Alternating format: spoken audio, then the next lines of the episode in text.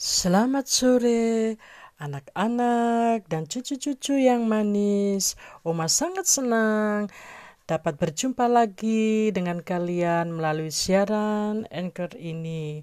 Di mana saja kalian berada, Oma Foni selalu rindu membawakan cerita-cerita dari Alkitab untuk kalian semuanya. Dan Oma harap kalian sehat-sehat selalu ya. Baik sebelum mendengarkan firman Tuhan yang akan disampaikan Oma, kita sama-sama masuk di dalam doa. Tuhan Yesus, di sore ini kami anak-anakmu datang mengucap syukur buat kasih setia Tuhan. Terlebih hari ini kami akan mendengarkan firman Tuhan dan ajarkan kami selalu untuk mengerti kehendakmu Tuhan. Dan juga tambahkan bagi kami khusus anak-anak dan cucu-cucu kepandaian serta hikmat dan juga memiliki tubuh yang sehat, jiwa yang semangat agar mereka dapat beraktivitas hari lepas hari. Terima kasih Tuhan Yesus, ini doa kami. Amin. Ya. Baik, Oma akan lanjutkan cerita firman Tuhan di mana di sini uh, tentang penglihatan ketujuh dan kedelapan ya. Nah, ini judulnya perempuan dalam gantang ya. Suatu tanda atau penglihatan yang muncul, kata malaikat Tuhan, lihatlah sebuah gantang. Artinya bahwa inilah kejahatan mereka di seluruh negeri. Gantang yang bertutupkan timah terangkat.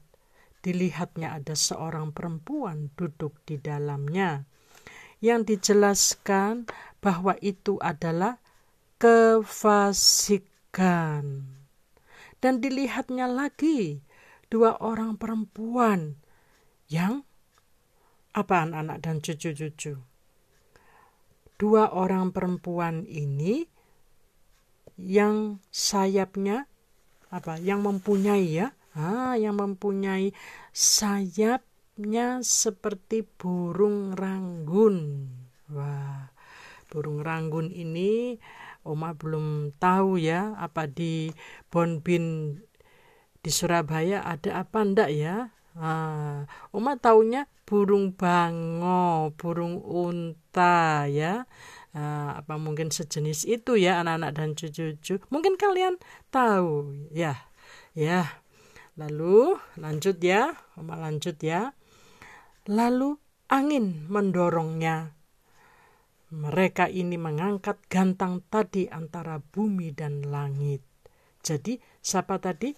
Dua orang uh, yang mempunyai sayap ini ya seperti burung ranggun ya mengangkat gantang tadi antara bumi dan langit. Oh bayangkan ya anak-anak ya dan cucu bumi dan langit. Kita di bumi dan langit itu selalu kita melihat di atas ya. Wah tingginya wah tidak terukur ya. Uh, pasti ada hmm, uh, di pengetahuan-pengetahuan kalau kalian sekolah pasti sudah ada uh, ukuran-ukuran dari bumi dan langit ya.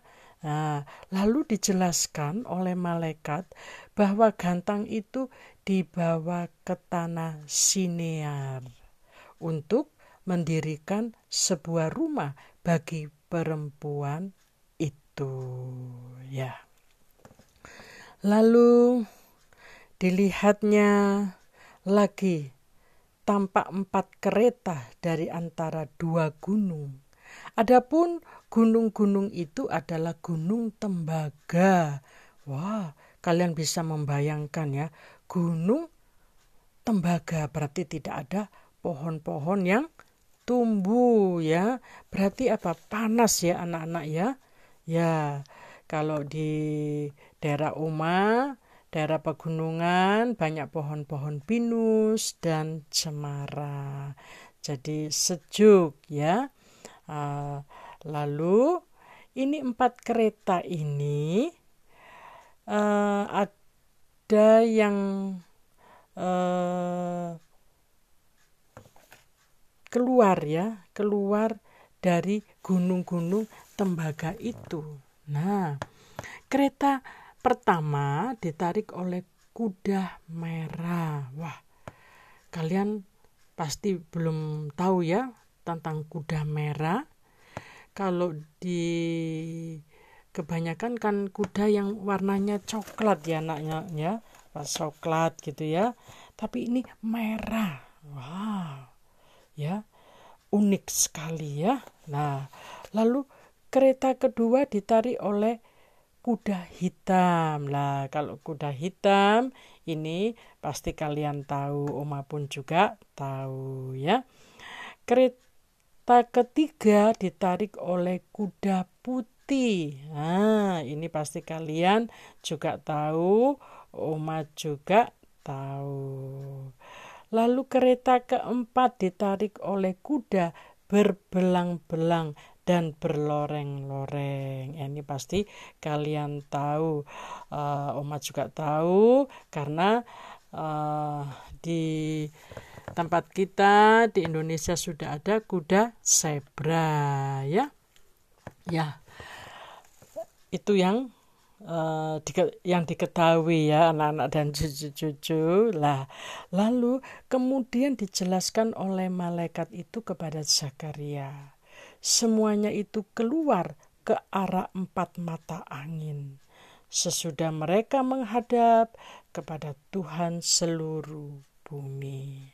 Lah, lalu apa yang dilakukan oleh kuda-kuda ini tadi ya? keempat kuda-kuda ini pasti mereka uh, mempunyai arti khusus yang Tuhan berikan yang Tuhan maksudkan untuk mereka ya. Istilahnya mereka itu diberi tugas ya. Uh, untuk uh, apa? Uh, mengelilingi bumi ya. Mengelilingi seluruh bumi ya. Uh, ini Tuhan memberi tugas pada keempat uh, kuda tadi ya, di mana kereta-kereta itu yang ditarik oleh berapa tadi anak-anak dan cucu-cucu? Empat kuda. Yang satu berwarna merah, lalu hitam, dan putih. Yang satunya lagi apa? Berbelang-belang dan berloreng-loreng. Ya. Lalu mereka ini setelah menghadap Tuhan, lalu Tuhan perintahkan mereka untuk mengelilingi seluruh bumi. Lalu kuda-kuda keluar dan menarik sesuai ketentuan mata angin tadi. Lah, yang ditarik kuda hitam itu keluar ke tanah utara. Nah, jadi kuda hitam itu disuruh pergi ke mana? Ke arah utara. Lalu yang ditarik kuda putih itu keluar ke arah barat ya.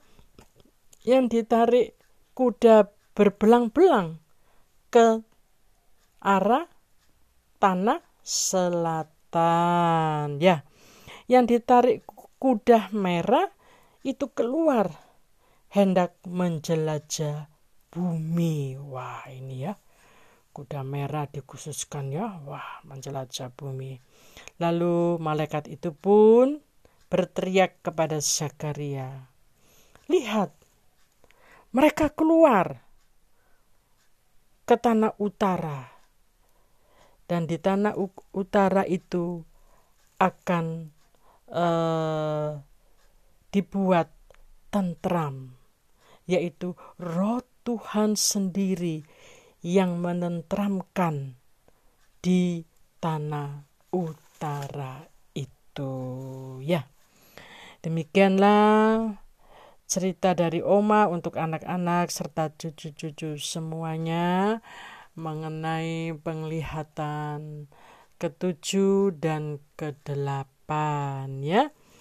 Uh, selanjutnya lain waktu ada kesempatan. Pasti Oma sambung lagi ya ceritanya. Jangan lupa berdoa dan harus rajin belajar. Tuhan Yesus memberkati kalian semua